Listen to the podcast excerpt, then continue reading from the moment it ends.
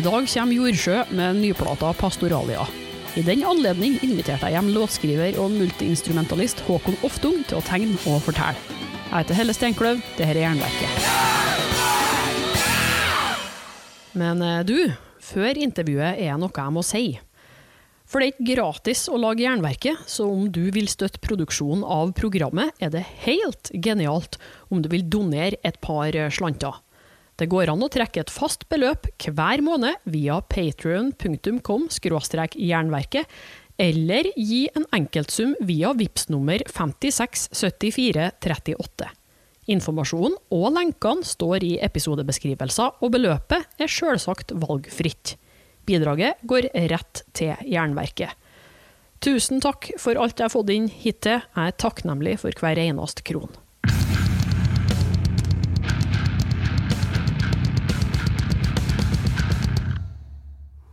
Ja da, Håkon Hoftung. Hallo. Nå er vi blitt nærkontakta, vi, med to meter avstand. Ja, det er koselig. Hyggelig å være her. Det er så deilig å se et menneske i virkeligheten. Jeg vet. Jeg gleder meg veldig til å komme på besøk og treffe litt folk og ta en øl. Og Helt topp. Ja, for det har jo blitt mye alene hjemmemusisering nå i det siste året. Ja, det har blitt litt sånn uh, Sitte hjemme, pusle litt på et rotete rom og sende av gårde litt gitarspor her og der, og noen syntlinjer og fløytemelodier og sånn. Men uh, jeg har fått gjort en del, så det, det går nå greit. Får tida til å gå. Ja. ja. Men vi må jo begynne på starten. Uh, Ja.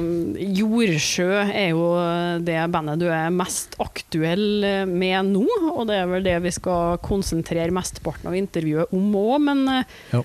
Til å begynne med så lurer jeg jo egentlig litt på hvem du er, og hvor den, hele den her musikalske reisa begynte. ja. Din multiinstrumentalist, som de kaller deg så fint. Ja. Uh, nei, jeg kommer fra en familie med to foreldre som er musikere, og ble, ble vel egentlig tvunget til å spille piano fra jeg var sånn fem-seks år. Hadde mutter'n som pianolærer. Og da var det øving og noter og full pakke. Jeg var ikke så veldig glad i det da, eh, men det måtte jeg bare gjøre. Og det er jo veldig takknemlig for det nå. Og så Oasis var jo kanskje et av de første banda som eh, det var, vel, ja, det var det første bandet som jeg begynte å digge. Eh, lagde sånne pappgitarkopier av alle gitarene til Noel Gallagher og sånn. Og så, så hadde mutter'n en gammel gitar som jeg begynte å lære litt grep og sånn. Og så prøvde å lære meg litt sånn Offspring-låter, og så jeg lær, begynt, ja, lærte meg det ganske raskt. Og så begynte jeg litt hos gitarlærer og sånn, og så så begynte jeg å spille i band på slutten av barneskolen og begynnelsen av ungdomsskolen, og da var det mye Covra mye punk og Nirvana og Manowar, faktisk. Ekte barn av 90-tallet der, altså. ja, ja.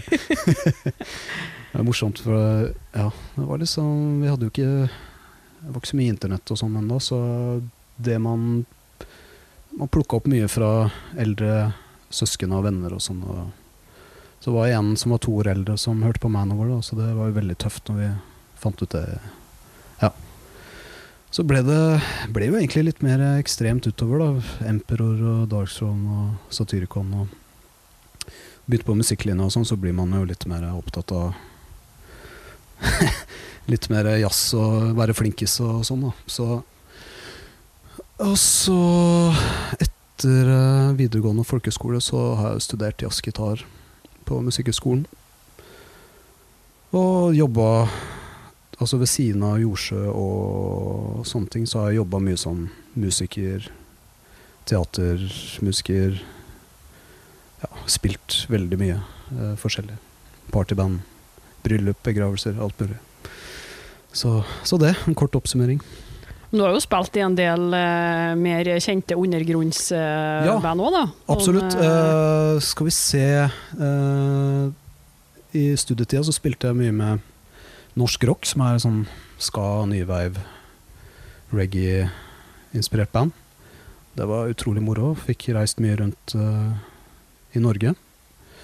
Uh, og så vet ikke helt hvordan jeg kom i kontakt med de Tussmørke-gutta. Jeg tror det var Da hadde jeg begynt å lage liksom demoer eh, med Jordsjø som jeg la ut på Soundcloud og sånn, og så tok Krisla kontakt. Eh, fra, Krisla fra Tussmøkke og Alvansatar. Så det var egentlig Skylder egentlig han en stor takk for at uh, Jordsjø ble noe av, egentlig. Da, på den første konserten så traff jeg jo en del folk fra eh, det prog-miljøet. da. Eh, Benedikt og Kristoffer fra Tussmøkke. Og så Og så ble jeg egentlig spurt om å være vikar for eh, Lars Fredrik i Tussmøkke et halvår etterpå, og da Ja. Så ble det mer og mer. Traff flere og flere folk. Eh, husker vi var, var vel på Til Dovre 2015. Eh, det, var liksom, det var da jeg følte at jeg kom litt inn i det miljøet. da. Eh, selv om jeg har vært på, var på Scream-forumet i mange mange år og kjente på en måte folk derfra, selv om jeg ikke har truffet de og sånn. Så det var veldig hyggelig å ja, treffe folk som man har pratet litt med før og sånn. Ja, for du er jo ikke Oslo-gutt, så du må liksom eh, jobbe seg inn i, i miljøene når man flytter til hovedstaden og blir kjent med folk. Ja, ja, ja. Jeg kommer fra Våler i Østfold. det, Moss er jo nærmeste byen, og det er veldig sånn rockeby. Eh, så ja, kjenner jo de folka fra Unga Bunga og sånn, som også er fra Moss. Og det var veldig fruktbart miljø der sånn, i tenårene og sånn. Ja. Jeg så, mener det var et annet intervju jeg leste med deg, at uh, proggen den oppdaga du egentlig gjennom Scream, sånn Ja. apropos Scream-forumet. Og det er litt vittig, kan du Ja. fortelle litt om det? Ja, ja, ja. Uh, det var egentlig en sånn Ja, den heter vel Progressiv, den spalten. Um, det var egentlig bare sånn jeg bladde forbi i begynnelsen. Uh, og så tror jeg det var eh, Hadde en sommerjobb på eh, Jeg skulle rydde Rydde på Kirkeparken skole i Moss. Eh, og da dukka det opp eh, en del sånne CD-er, eh, blant annet 'Selling England by the Pound' og Genesis og sånn. Og jeg ble egentlig veldig fascinert av eh, bare coverarten, og det var litt sånn mystisk. Hva er det her for noe, liksom? Jeg hadde jo hørt om Genesis, men ikke den varianten av Genesis. Så, så jeg ble veldig blåst av banen av det, og da var det bare å Hadde heldigvis spart på alle de Scream-bladene og sånn, så var det bare å gå gjennom alle skivene i den spalta etter tur, da. Så det var ja, veldig fin tid. Veldig sånn magisk, for det var bare Det var liksom musikk som var helt uh, Jeg visste ikke om det, på en måte. Jeg visste ikke hva progressiv rock var i det hele tatt. Så det var en sterk opplevelse. Det var litt sånn deiligere å oppdage musikk før internett var overalt for deg. Ja, Mer sånn overraskende. ja det, hadde, jeg hadde, vel begynt å få litt internett da, men var, du kunne liksom ikke laste ned hva du ville. Og det, så bestilte mye fra Panorama Records på Nesodden, faktisk. Som, som faktisk endte opp med å gi ut Jo- Jordsjø på vinyl. Da. Det er jo litt hyggelig, da.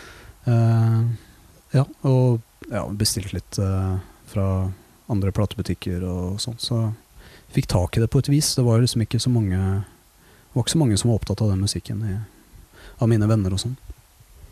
Nei, det er litt sånn eh, Det har jeg hørt i intervju med flere eh, og, eh, prog-band, at det er litt, litt sånn eget miljø på sida. Du har de metallfolkene som Ja. driver på prog, og så har du de prog-kjellerfolkene. Ja. Det, er litt sånn rart det der, for altså det prog-miljøet er så utrolig lite homogent. Da, for det, den, det har jo blitt en sånn sjanger som favner veldig mye rart. Og jeg er jo mest opptatt av den der eh, gamle prog-rocken fra 70-tallet med skal liksom være gamle instrumenter og sånn. Så jeg blir jo litt fascinert av folk som på en måte liker eh, litt sånn her nyere prog-metall og sånn som ikke helt faller mitt eh, Eller treffer mitt hjerte, men også liker Jordsjø. Jeg syns det er veldig fascinerende, egentlig. For det er utrolig forskjellig musikk. da. Så at, at metal-folk liker Jordsjø, kan jeg på en måte forstå, for jeg føler at det er litt sånn rød tråd i forhold til det der eh, litt sånn mystisk musikk, og hente litt inspirasjon fra ja, natur og fantasy og sånn. Og så Nei, det er morsomt. Men du nevnte så vidt at uh, når du traff, traff eh, Krisla fra Tussmørket og Alvan uh, Tazar, Ja. uh, så hadde du begynt å pusle med jordsjø og la ut ting på Soundcloud. Stemmer. Kan du fortelle litt rundt om eh, hvordan eh, du begynte med, med jordsjø? For du hadde jo spilt alt mulig annet. Det var jo første prog-greieren du hadde begynt å komponere. Ja, eh, nei, si det. Det var, det var vel egentlig bare Begynte å få litt dilla på litt synthesizer og, sånn, så jeg eh, fikk kjøpt meg eh, noen sånne analoge synter, og ble egentlig bare sitte litt sånn hjemme, hjemme, hjemme i stua og skru litt, og så Og så bare slo det meg at jeg har jo egentlig aldri prøvd å liksom lage Lage litt sånn eh, gammeldags progrock, egentlig, så det Jeg veit ikke. Det var, var bare begynte bare som en sånn hobbyprosjekt i stua, og bare snekre sammen noen låter, og så Det var ikke noe sånn jeg promoterte, jeg la, vel, jeg la ut noen sånne skisser av noen låter som ble med på den første tapen. Eh, og sendte liksom til Det var noen folk på Screenforum og sånn som, som var litt interessert i det, og bare lurte, hørte, viste dem det og lurte litt på hva de syntes og sånn. Så det var jo egentlig ikke et band før Krisla spurte om vi ville spille gig. Da måtte jeg bare sette sammen Sette sammen eh, et lite band for anledningen. Og da var vi trio. Oi, ja, for i starten var du helt alene? Ja, Eller hadde du med trommisen Kristian eh, Frøland? Ja, Kristian ble med uh, i forbindelse med den gigen. Uh, så han spiller jo på uh, Han spiller på den første demoen og sånn, men de aller første demoene så, så så var det bare trommaskin og sånn. Så ja. Men hvordan i all verden gjør man det, å bare tromme sammen et band? For at jeg mener å huske på at det var ganske kort varsel her òg, at du hadde ikke akkurat et eh, hav av låter å ta av. Her var det bare å ja, nei, det ringe ring folk. ja. Nei, altså, Kristian Christian trommeslager, Kristian Frøland, vi har kjent hverandre siden ungdomsskolen, barneskolen egentlig. Og eh, vi har spilt sammen i mange, mange år, så det var egentlig bare et naturlig valg å spørre han. da. Han har nettopp flytta til Oslo igjen og sånn. Og da var det også med mm, en annen god kompis fra folkeskolen som heter Håkon Knutsen, som har spilt Han har spilt på alle jordsjøgigene unntatt én. Uh, så jeg bare måtte bare spørre de om Kan vi bare sette av en uke og så øve, og så er det konsert på Så er det konsert uka etterpå. Så eh, det var jo sånn det Ja, vi bare jobba som F den uka. Eh, øvde mandag til fredag. Og jeg satte sammen litt låter på forhånd, og så ja. Så, så ble vel det egentlig det som Det er jo det låtmaterialet som er på den første tapen, egentlig. Ja, for du, det ble jo en del kassetter, hjemmesnekkere og snekkere og type, før eh, det begynte å bli mer seriøst med skiver og sånn. Ja. Og det her eh, vil jeg gjerne høre mer om, for det var veldig gjør det sjøl. Her er det snakk om eh, egen kassettspiller, og du må fortelle om innspillinga, og ikke minst kopieringa her.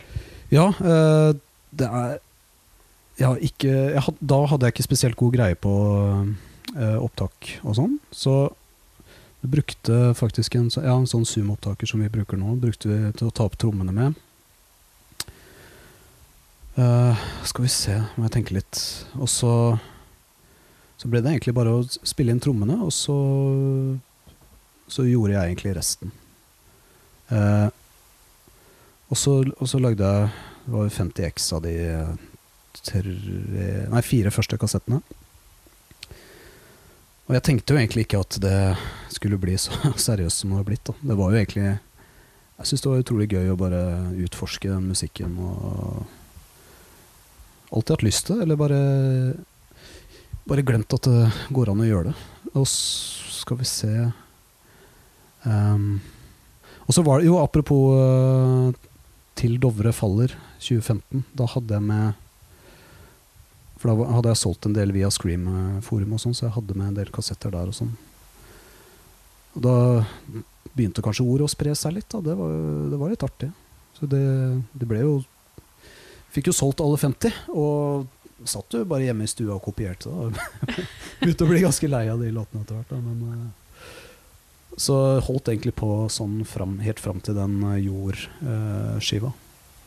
Herlighet. Du satt og egentlig og kopierte. Og hvor mange kassetter ble det? Fire stykker?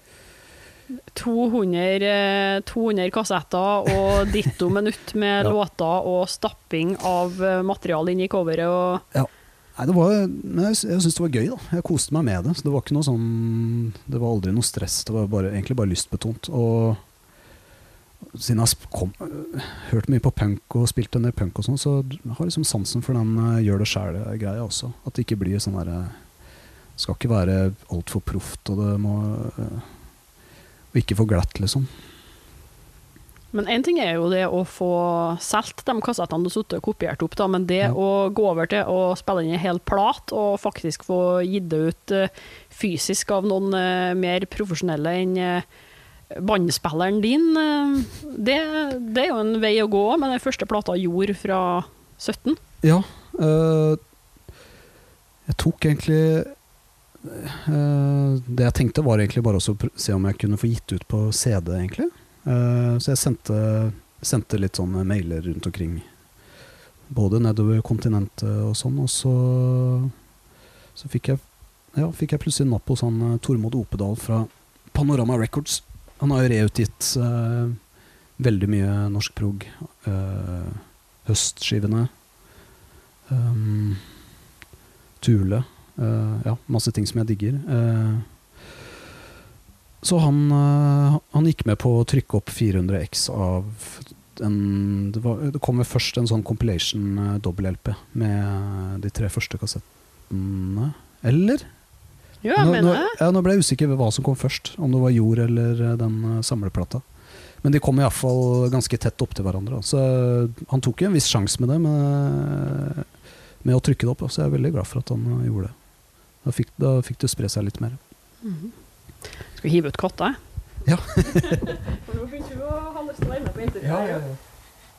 Um, men, men hvordan gikk det da, når Jord kom ut? Altså, det, det, jeg, jeg, husker jo, jeg husker det jo, at det skjedde.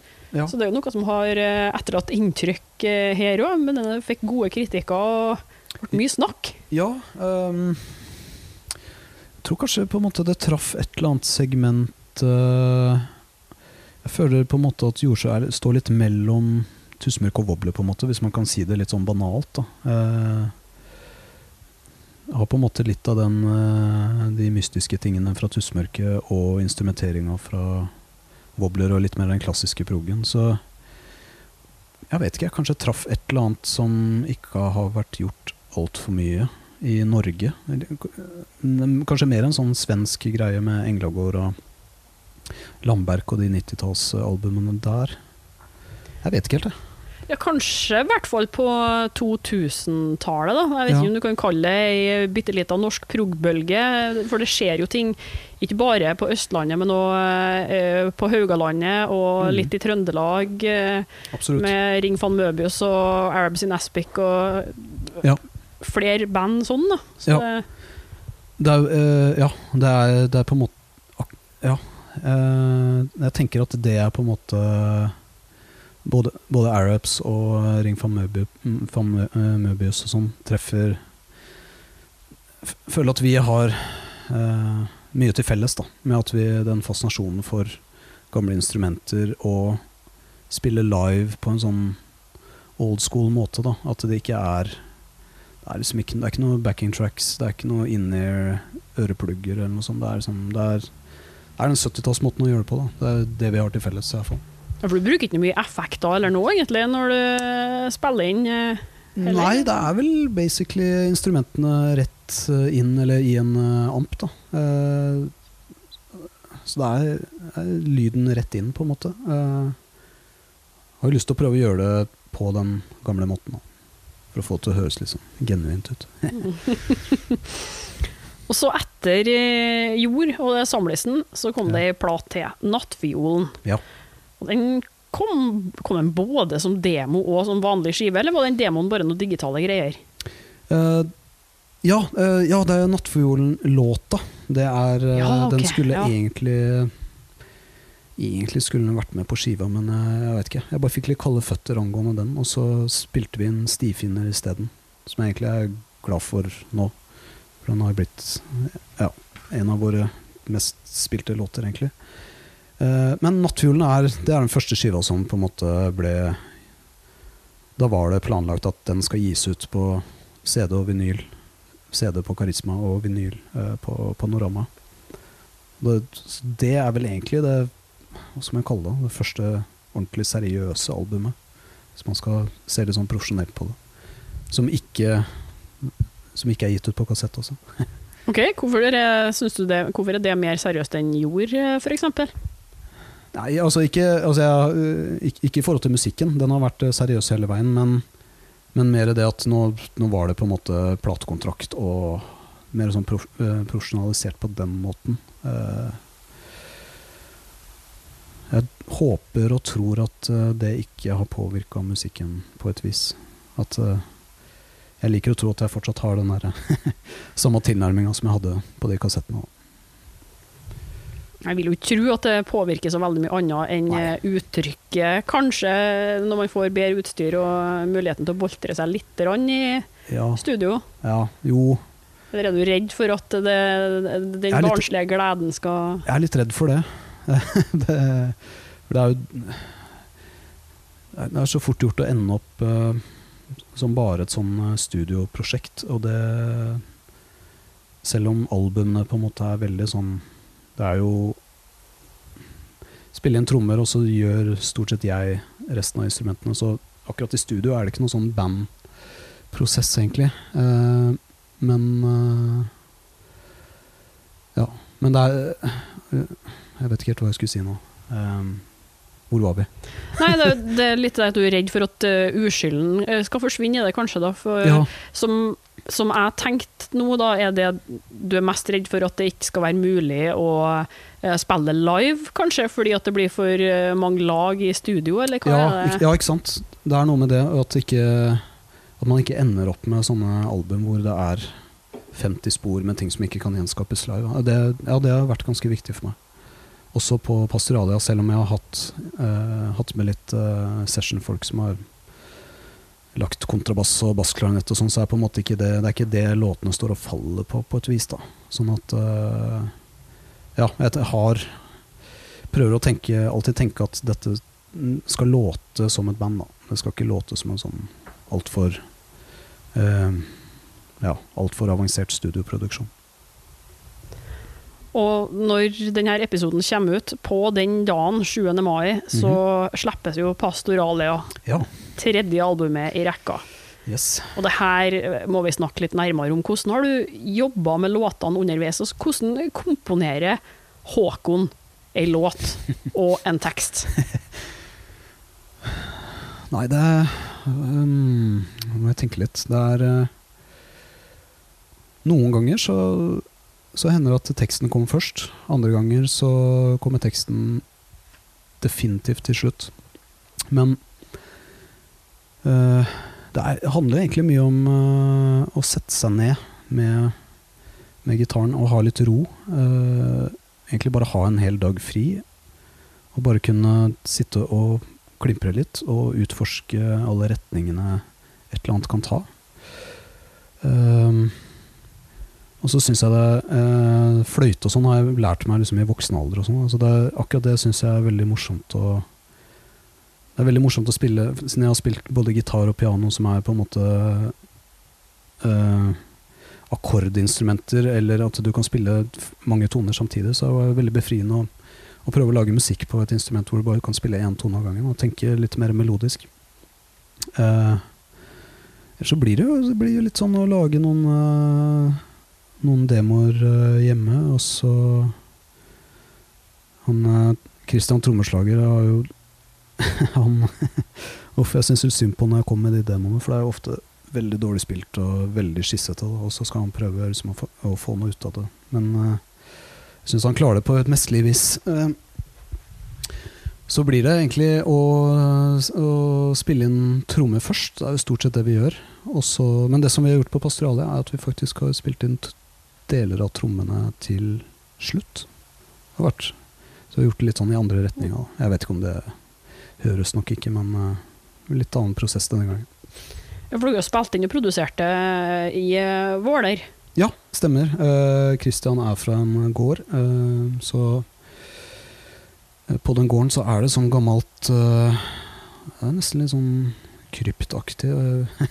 det ble brukt som eh, sånn eh, midlertidig fengsel eh, under fange, fangetransport på eh, 1800-tallet og sånn. Så det, det er sånn fine murvegger og sånn, så det egner seg i hvert veldig godt til trommeopptak og sånn. Så Kristian har bygd et studio der det siste året, så der står alle instrumentene mine, Hammond-orgelet og alle de gamle instrumentene og sånn. Så god med, godt med plass og sånn, så ja. Kult.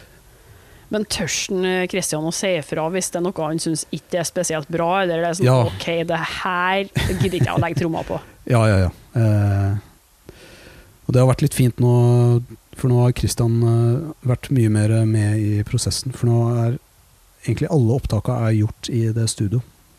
Mens før, på de eh, gamle skivene, så har jeg gjort mye sånn hjemme i leiligheten og sånn, men nå har vi faktisk gjort alt i, i det studioet til Kristian. Og så han har vært mye mer med i hele prosessen. Det, og det er veldig ålreit for meg også. Å slippe å gjøre alt sjøl hele tiden.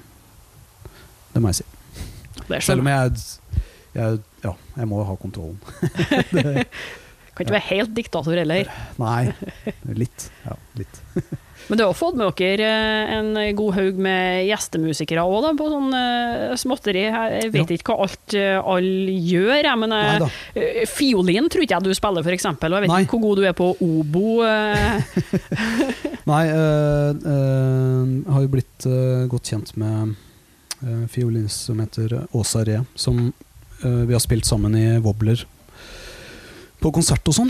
Uh, og hun har Det jeg liker med med enkelte musikere, er at man har, man har på en måte den der litt faglige bakgrunnen samtidig som man har en evne til å improvisere litt, og det er Åsa veldig god på. Så øh, jeg, Ja, ofte når jeg, når jeg skal ha med sånne gjestemusikere, så jeg sitter jeg og skriver noter, da. Jeg er litt sånn nerd på det. Men øh, da er det greit å ha musikere som, som kan ta det raskt og sånn. Eh, så det er Åsa på fiolin, og så er det en eh, som heter Mats Lemjan fra Moss, som jeg har spilt med på teater og sånn, som som er helt rå på treblås. Da. Så han har lagt en del bassklarinett. Det, det syns jeg tilfører en litt sånn derre For det første låter det utrolig kult, og så er det litt sånn mystiske instrument. Det gir en eller annen sånn treverk-vib som jeg er veldig glad i. da. Ja, jeg trodde først at det var obo, faktisk. Ja, øh, øh, det kan godt hende at det er noe Vi har brukt noe obo-mellotron også, så kanskje det Mm. kan godt hende at det er det, ja. uh, og så er det Vilde, som er kjæresten min i ti år, som hun har kora litt på egentlig alle kassettene og skivene. Og Håkon Knutsen, som jeg nevnte i stad, som har vært med som live-medlem på nesten alle gigsa. Det er vel det. Uh, Ola, uh, som spiller bass live, har uh, skrevet dikt og lest, lest det diktet på skiva. Ja. Og så er det en som heter Christian Svendsen, som er fantastisk jazz-kontrabassist, som også kjenner fra folkehøgskolen, som har lagt eh, kontrabass på en låt som heter 'Fuglehviskerne', som er litt mer sånn akustisk affære. Har de gjort det hjem til seg sjøl eller i sine egne studioer, eller kom de faktisk eh, ned til gården? Eh, både Åsa og eh, Mats kom eh, De har vært i studio der, så det er spilt inn der. Kristian Svendsen, kontrabassist, bodde på Vestlandet i den perioden, så han, eh, han spilte inn bassen hjemme hos seg selv. Eh, ja, ellers er resten gjort av Kristian og meg. Da. Så du har en visjon når eh, låta er komponert i hodet ditt egentlig om hva slags eh, instrument du vil ha med, og da Ja, finner du folk ut fra det som du tror eh, passer. ja, men samtidig så så, eh, så vil jeg ikke at det skal være altfor mye sånn gjesteartister eh, eh, annet enn det som på en måte er kjernen, altså livemusikerne eller veldig nære venner og sånn. Men, men det er hvis, hvis man vil ha et det, er- ja, det handler jo litt om Hvis man er ute etter en eller annen spesiell farge eller et sånt, så ja, da må man bare det er ikke- Ja. det er ikke noe vits i at jeg skal prøve å spille fiolin, liksom. Det, Det blir vel plutselig det òg. Du lærte meg å flyte her for Ja. ikke så lenge siden, så. ja, det er sant.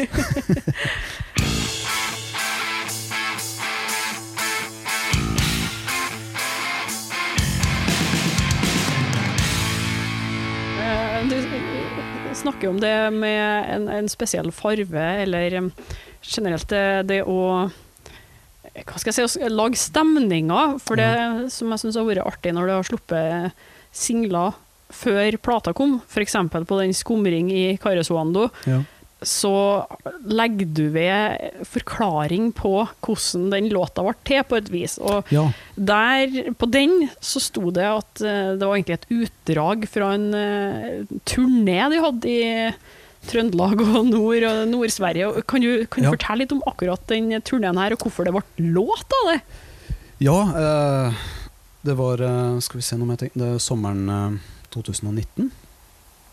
Eh, eh, Ola og Mile Bruland, som spiller eh, bass live, har også et eget band som heter Actionfredag. Som, eh, de har også spilt en skive nå som, som kommer i løpet av året. Det er utrolig bra.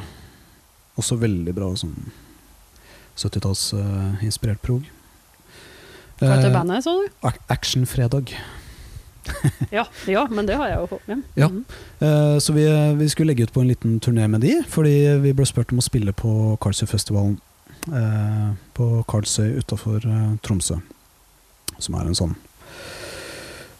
eh, Det starta som et litt sånn alternativt eh, samfunn på 70-tallet, og så, så har de holdt ved en del av de idealene fortsatt. Så der skulle vi spille, og da tenkte vi at vi kunne kjøre opp og spille gigs på veien. Eh, så vi kalte det for eh, Terra Borealis Tour. Eh, men å booke gigs i noen av de mest folketomme områdene i Skandinavia er liksom, det er ikke så lett, da, fant vi ut. Men vi fikk spilt på eh, eh, På eh, Hva heter det? Det er eh, Svartlamoen i Trondheim. Verkstedhallen? Ja, Verkstedhallen. Uh, på en mandag, på den varmeste dagen i Trondheim hele sommeren. Så folk var ute og bada og kosa seg, men, eh, men det kom litt folk allikevel. Det var veldig hyggelig. Og så, så kjørte vi eh, mot uh, svenskegrensa på kvelden, overnatta der. Og så hadde vi noen dager i forveien hadde vi fått napp i Umeå, eh, som er skal vi se, det blir vel en sju-åtte timers kjøretur fra Trøndelag, tror jeg.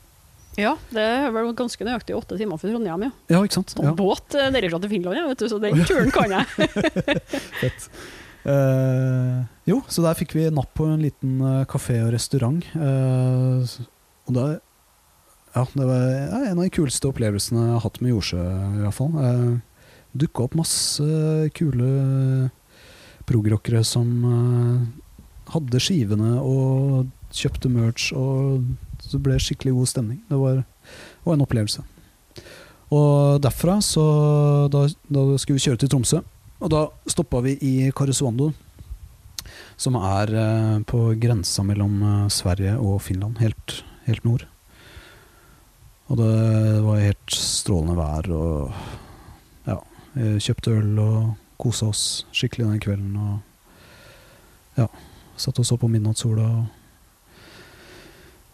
så den låta ble vel Jeg ville egentlig prøve å på en måte fange fange litt av den stemninga på den turen der. Eh, akkurat det der hovedtemaet i den Carusondo-låta som, som kommer på begynnelsen, og som også runder av låta, jeg føler det er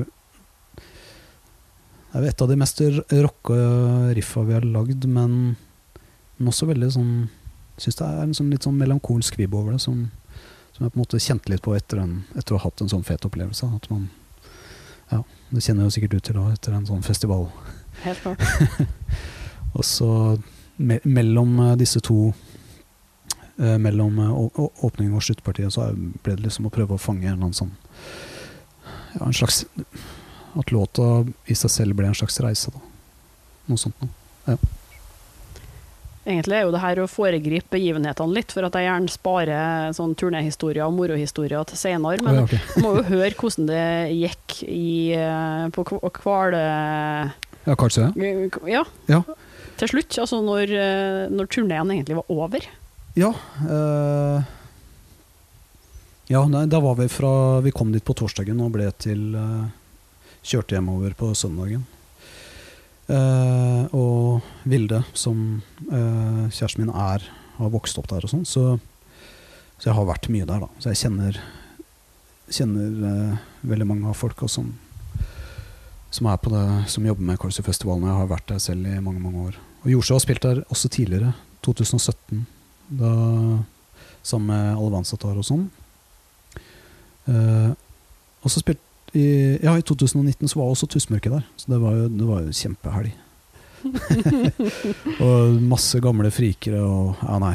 Og, og ja, når det er sol i Nord-Norge, så ja, det er liksom ikke noe som er bedre enn det. da. Dukker de gamle frikerne opp. Ja, ja.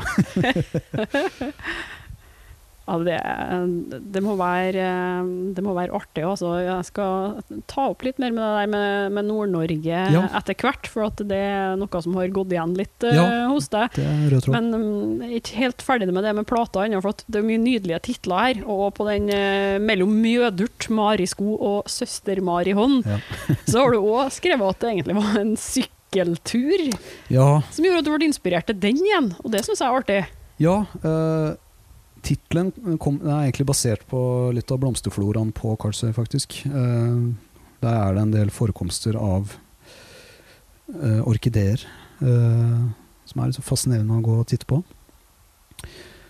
Og det var, det var den siste låta som ble skrevet og spilt inn til albumet. Den, den, jeg lagde den på Karlsøy i fjor sommer, 2020. Eh, og den ble spilt inn i august, tror jeg. Um, men ja, ja, for jeg eh, var på Jeg syns det, det er en sånn frihetsfølelse å være litt sånn på loffen. Da. Så jeg tok meg en sykkeltur. eh, Jeg tok toget ned til eh, Mysen, og så sykla jeg rundt i Indre Østfold og campa litt og sånn. Og da Det er på en måte det landskapet jeg har vokst opp med. De der altså åkrene på på sensommeren er, er utrolig flott å se på. Så deler av teksten er eh, inspirert av både Nord-Norge og eh, Østlandet. Og så er siste verset mer basert på gamle familiehytta på Valdres. Så, så det er en veldig sånn tredelt låt med ja, sånn tre forskjellige stemninger. Et Norge i miniatyr. Ja, kanskje. Det er jo generelt mye, mye deilige titler på låtene da, som setter deg i stemning. Så de Fuglehviskeren det starter jo som et stev, egentlig nesten. Jeg får lyst til å Ja. trampe med foten og så ta, ta et stev over det. ja? Eh, så det var nesten litt skuffende at det ikke starta med en eller annen som Lillebjørn Nilsen eh, Altså, ja, jeg kunne kanskje gjort litt mer ut av det. Men eh, neste ja, gang. Ja. Nei, men for, øh, øh, Ja, den er jo kanskje Det er jo en av de låtene som kanskje skiller seg litt ut på plata, for den er litt mer sånn akustisk affære. Uh, men ja, jeg blir veldig inspirert av folkemusikk, og da spesielt den hytta på Valdres. Og Valdres er jo et sånn folkemusikkområde som har lange tradisjoner.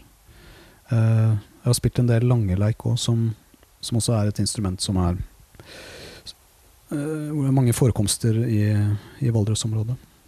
Det er jo ikke noe så veldig utbredt instrument heller nå for tida, så det er jo skikkelig kult å Ja. kunne ikke, Kan du jeg har ikke brukt det på skiva, men, eh, men jeg har nok blitt litt inspirert av å for jeg, jeg gikk eh, Jeg hadde en del langleiktimer og sånn. For, eh, eller siste året på Musikkhøgskolen. Hadde jeg sånn folkemusikk-valgfag. Veldig kult. Eh, Så jeg har nok blitt litt inspirert av det òg. Men jeg hengte meg opp i en tittel som jeg husker ikke om det er på Nattfjolen eller Jord, men Ja. eh, Finske skoger. Da er vi jo, eh, da er vi jo utafor Norge her, og det er jo er noe som er endeløst, så er finske skoger. Ja, det er Jeg tror egentlig det er en slags hyllest til at jeg er veldig stor fan av finsk prog, eh, egentlig. Jeg følte at den melodien har, eh, har en litt sånn finsk stemning, så det Ja, akkurat den tittelen er kanskje litt mer sånn morsom, siden jeg ikke har vært så mye i Finland. Annet enn i Karesuando. Ja, For man kan få litt sånn der uh, trekkspill på Finnskogen-følelse av det òg, vet du. Og Ja, noe med, noe med en takt av det. Rararai, rararai, rarai. Jeg liker det. Ja. Det er koselig. Jeg er glad i gammeldans og, og sånt. Der, så. Ja, ja. Bare å inkorporere det òg, så kjøper jeg plata. Ja. Ja da. Ehm, og da kan vi egentlig kanskje svinge litt mer inn på det med, med nord. For um, jeg så Jeg tror det var et eh, intervju det òg, det der var noen som spurte om eh, Ja, hvor ser du Jordsjø om fem år? Ja. Da var det Ja, nei, da turnerte du bare i Finnmark, og så skrev du jazzmesser og balletter og eh, poesi. Og nå er vi jo i 2021, som jeg tror er fem år etter det intervjuet. ja.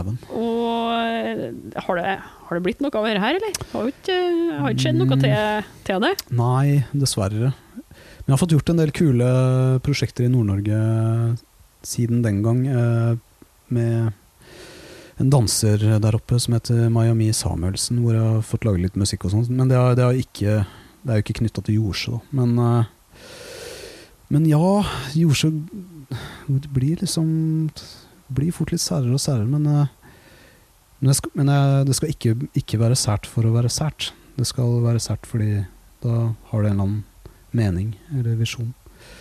Men akkurat det med poesi og sånn, det, det, det, er- det er en del av den låtskrivingsprosessen som jeg syns er veldig gøy. Da. Å leke med ord og prøve å finne litt artige vendinger og sånn. Så ja, det er vel ikke helt Det ligger vel noe i det. og litt, det er jo litt mer jazzinspirasjon på i hvert fall de to siste platene, kanskje. Blir det ballett, da? Kanskje. Jeg har prøvd å søke litt støttepenger til å lage litt ballettmusikk, men jeg har ikke fått noen napp ennå, så det, vi, får, vi får vente og se. Og så Finnmarksturné, det er jo òg noe som eh, burde være mulig å få til hvis man først har kommet seg dit og leid seg i bil, men eh, Ja, hvorfor denne fascinasjonen for eh, Finnmark? nei, det er har jo vært eh, et par steder i Finnmark. Alta, Hammerfest, eh, Havøysund. Eh, jeg vet ikke, det er et eller annet med det landskapet som bare er vanvittig fascinerende. At uh, det er så øde og stort, og du føler deg så liten. Og, og så må vi nevne det bandet Tule, som De er vel uh, Noen av gutta i bandet er fra Honningsvåg. Og den nattplata, som er den mest kjente av platene deres, den er spilt inn i kjellerrommet på Honningsvåg hotell, mener jeg. Og ja, det er band som jeg er veldig stor fan av, og som også har inspirert Jordsjø mye. Ja. Så ja, kombinasjon av Tule, landskapet, folka, stemninga. Det, ja, midnattssol og mørketid, liksom. Det, ja, lys mørke. Det er mye å ta tak i. Og da, når du nevner det der, så kommer jeg på noe jeg egentlig skulle ha stilt spørsmål om i stad òg, når eh, vi snakka om uh, innspillinga av eh, skiva. Ja. For jeg mener jeg så at du på Facebook-sida deres hadde skrevet at eh, noe var blitt spilt inn i skauen. At de rett og slett hadde tatt med dere noen batteridrevne greier. Og Ja, det må du si noe om! ja stemmer. Eh, det er eh, eh, det, er en, det er på låta, Pastoralia, som runder av eh, A-siden. Eh, så er det vel egentlig Vi tok opp eh, Vi tok med en batteridrevet høyttaler ut i skogen, og så spilte vi av det siste mellotronpartiet der på full guffe. Og så, så sto jeg et par hundre meter unna og tok det opp. Så det fikk på en måte klangen av Klangen av skogen og litt regn og sånn. Som ja, ja, en liten sånn kuriositet. Det var morsomt å teste ut. Magisk, da. Ja, ja det var gøy.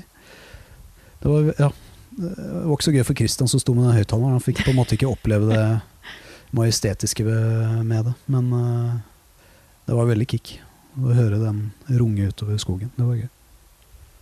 Men vi hører jo det at eh, musikeren Håkon har veldig mye som han har lyst til å gjøre, og veldig mye å gi, og det passer ikke nødvendigvis under Jordsjø-navnet. Du spytta jo ut noe under navnet Eldsmark eh, her òg, for ikke Ja. så veldig lenge siden. Ja, det er også et veldig koselig eh, lite prosjekt med Christian Valbo fra Obliteration og diverse. Christian traff jeg jo også på til Dovre den gangen. Eh, og så har vi spilt sammen i Black Magic i en del år. Eh, så tror jeg Christian hadde lyst til å utforske litt mer sånn skogsprog, eh, folkemusikkaktige ting. Så så vi har egentlig bare sittet og jobba litt med låter på hver vår kant, egentlig. Og så det, det er, ja, egentlig er jeg veldig stolt av den eh, plata. Det er cirka Det er jo 50-50 Christian og Christian sine låter og mine låter. Og instrumentalplate og det er musikk hvor det ikke skjer like mye som i Jordsjø. Det var veldig sånn befriende, for da var jeg kanskje ikke lei av Jordsjø, men da, da var liksom Nattfjorden nettopp ferdig og jobba veldig mye med det, og sånn, så det var veldig sånn befriende og Det er mye improvis improvisasjon på den plata. Eh, gitar- og fløyteimprovisasjoner og sånn, så. Veldig befriende prosess. Og ja, stolt av den plata. Har du hunnet og skrevet noe ny musikk nå, da, i, etter at de ble ferdig i studio med, med Elsmark? sist, Ja, med Elsmark, men og Pastoralia, da. Å ja, eh, ja, jeg er i gang med er i gang med en ny plate. Den skal hete et eller annet med Mellom salighet og Og så har jeg ikke funnet på det siste ordet ennå. Men Vi får se hva det blir. Det høres ut som Jordsjø. Vi får se hva det blir. Det er, ja, har vel mm, 20-30 minutters materiale klart hittil. Men eh, ja, jeg tror Christian trenger litt pause for det, vi, det var ganske intens jobbing med Pastoralia også, så vi, vi kuler den litt, og så satser vi på å spille inn litt greier til eh, på sensommeren, tenker jeg. Men la det bli sommer, så du kan ta noen sykkelturer. Ja, ja, ja. Definitivt. Komme seg litt ut av Oslo, iallfall. Det er en sånn søt ting som du gjør på Facebook-sida til Jordsjø iblant, det er Gjett riffet. Ja, guest Eh, ja, der du lirer av deg forskjellige, ja, mer eller mindre klassiske prog-låter. Trenger ikke å være så kjent heller.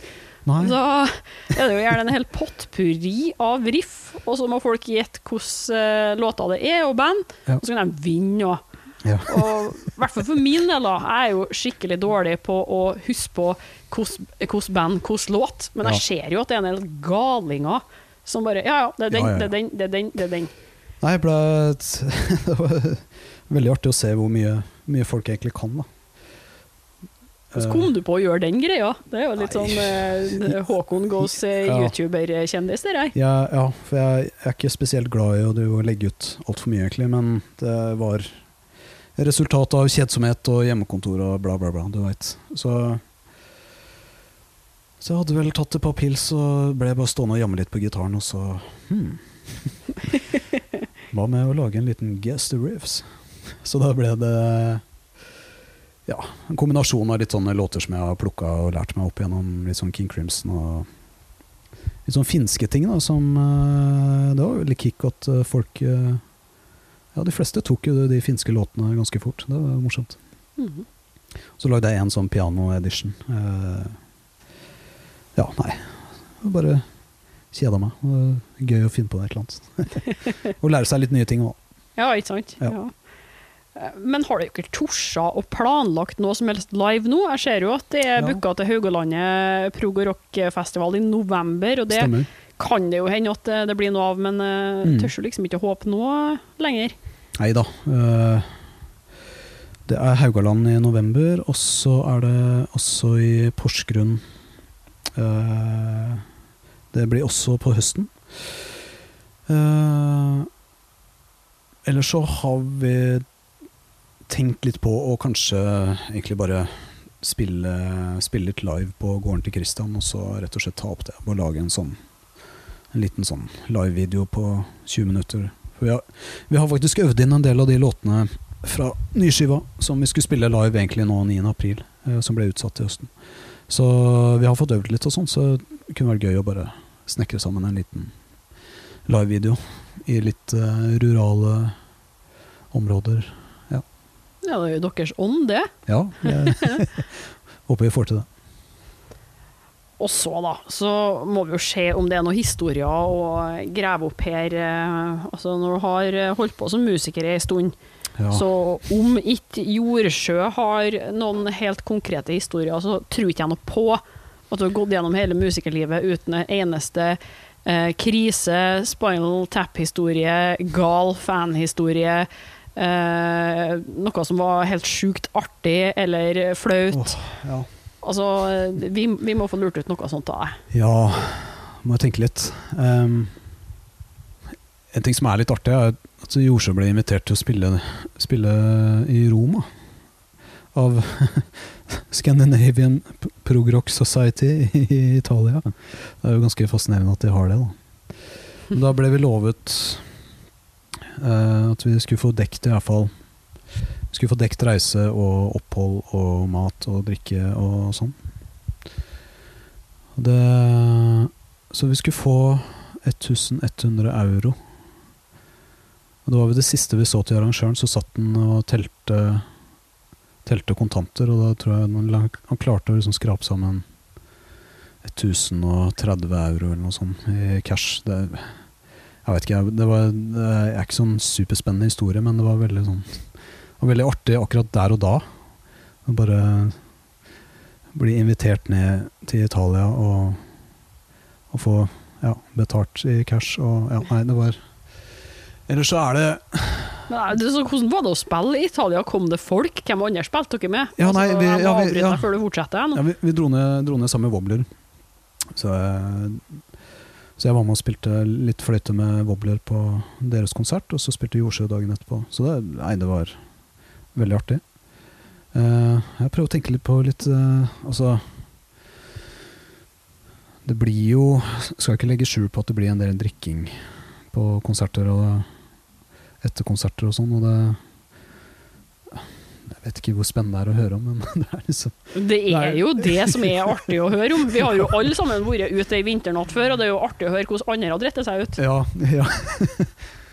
Eh, vanskelig å komme på noe sånn på stående fot, men jeg, altså, jeg kan huske liksom, norsk rock-gigger og kanskje én på Åh, hva heter det på Ik Det er ikke Hausmania, men det er ja, Barrikaden nede i kjelleren der. Trange eh, lokaler. Så, så ble Så skulle vi spille Var vel annonsert klokka ett. Og da kom jo trommeslager fra julebord eh, med jobben. Og var Kanakas, og det var resten av gjengen òg. Og jeg tror vi gikk på scenen sånn klokka tre. Og den konserten tror jeg endte med at uh, begynte å slåss. Det var et eller annet sånt. Det var utrolig dårlig stemning, og folk var så fulle. Nei, det var, det var litt sånn guffent, men ja.